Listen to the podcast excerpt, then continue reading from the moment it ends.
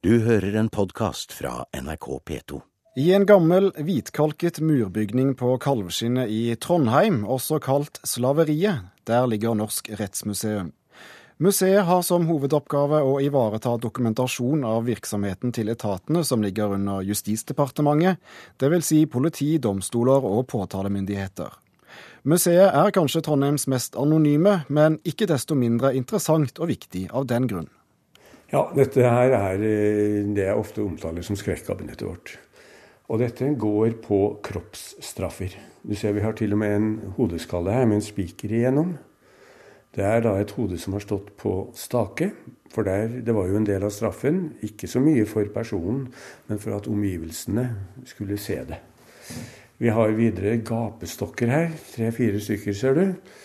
Og ikke minst har vi skarpreterutstyret fra Trondheim by, som skarpretter Ølstein bestilte i 1742, og som hans enke solgte videre til byen. Det er spesialutstyr for utførelse av kvalifisert dødsstraff. Uhygge preger de fleste av Norsk rettsmuseums rom. Henrettelsesutstyr, bevis som ble brukt i rettssaken mot Norges verste krigsforbrytere, Rinnanbanden, og beslaglagt hjemmebrentutstyr er bare noen av gjenstandene museumsdirektør Johan Hellberg kan vise oss. Når det gjelder eh, domstoler og fengselsvesen, så er det ikke så veldig mye materielle etterlatenskaper etter dem som det er etter politiet. For eh, det man bruker av gjenstander i domstoler og fengselsvesen, er slik som eh, brukes overalt ellers i samfunnet. Men politiet har veldig mye spesialredskaper. Og det er jo primært etter politiet vi har eh, samlingene våre. Og eh, jeg merker på politiet at de etterspør litt større eh, oppmerksomhet rundt utstillinger. Det håper vi nå endelig at departementet setter oss i stand til å lage tydeligere utstillinger om hva politiet også har drevet med. Et helt rom på museet er viet beslaglagt hjemmebrent utstyr. Her er det hjemmebrente jeg satt fokus på. Her har vi innredet et typisk kjellerbod fra 70-tallet med 70-tallsremedier. Og du, du, ser det der apparatet som står på benken. Jeg husker dem uh, godt avertert i et uh, manneblad på 70-tallet. Da sto det 'destiller vannet på hytta og unngå mageinfeksjon'. Alle visste jo hva det ble brukt til. Det vi forsøker å fortelle til skoleelever, og publikum, kanskje spesielt skoleelever i dag, det er det at den situasjonen der, det hørte hjemme i en sosial situasjon hvor det var, eh, ikke var så mye penger blant folk. Det var fryktelig dyrt å gå på polet. Det var utbredt kunnskap om hjemmebrenning. Og de fleste brente til eget forbruk, eller tok litt selvkost til svogeren og naboen og litt eh, der omkring. og jeg husker da godt trønderske ordførere som var samlet ved en anledning for en ti år siden, som omtalte dette her 15-20 år siden, som omtalte dette hjemmebrenning som trøndersk husflid.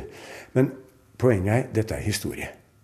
Dette, eh, dette her eh, tilhører et samfunnsstadium som vi faktisk siden 70-tallet har kommet forbi.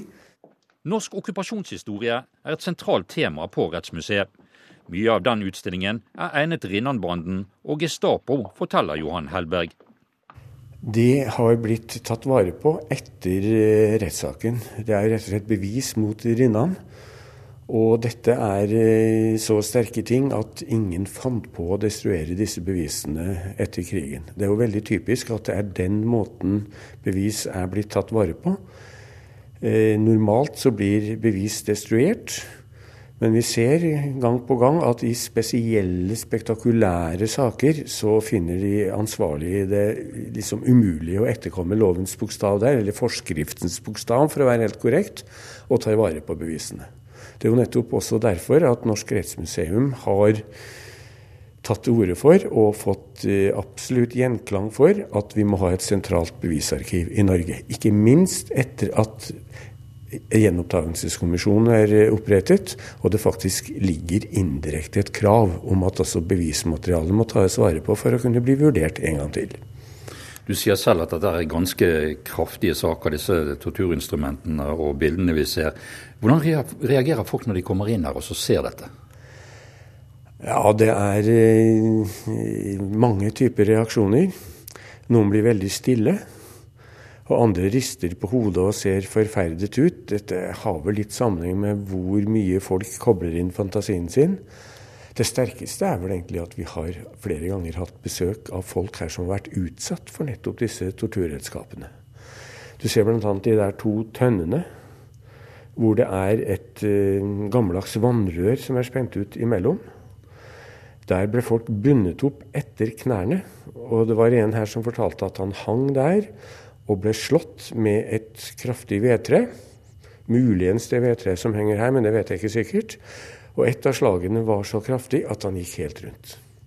En annen sto her og fortalte at ja, han husket en pisk veldig lik den pisken som han ser der. Og det som var så sterkt at han fortalte, var at han sa at mens han torturerte meg, så syntes jeg bare synd på Rinnan. For han var så, virket så stakkarslig, i hele personen. Vår vandring videre fører oss til avdeling for falskmynteri. Ja, og vi har eh, si, typiske eksempler på det, og et veldig kuriøst eksempel.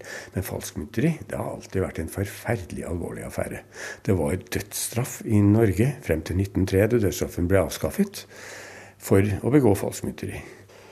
Eh, så vi ser jo her en del eh, offset-trykte tusenlapper som er så gode at politiet har vært nødt til å stemple falsk på dem. Men det virkelig morsomme, det er jo disse her. Selbupeng. Hvor det da var en, det som heter en enkel gårdsarbeider i Selbu, som hadde vært på samvirkelaget og sett en hundrelapp. Han eh, dro hjem på den gården hvor han jobbet. Han var kjent for å være flink til å tegne, så han eh, eh tok frem tegneutstyret sitt og tegnet en hundrelapp på frihånd på hukommelsen. Og du ser Den ligner jo på de hundrelappene vi hadde på 50- og 60-tallet nå så til de grader.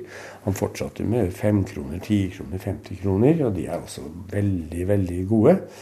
Det blir litt mer enkelt når vi kommer til 1 milliard og 1 million-seddelen. For da har det gått på ren fantasi. Det dette her illustrerer også, er jo dette her med strafferettslig tilregnelighet. Mannen hadde om han ikke var helt autist, så hadde han selvfølgelig sterke autistiske trekk for å klare å gjøre dette her. Så til tross for den alvorlige forbrytelsen falskmynteri, så fant man ut at dette er ikke en mann man kan straffe. Han er åpenbart ikke strafferettslig tilregnelig. Han har ikke skjønt hva galt han gjorde. Man beslagla sedlene, men eh, mannen gikk fri.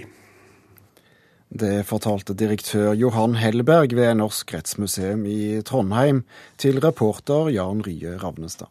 Du har hørt en podkast fra NRK P2.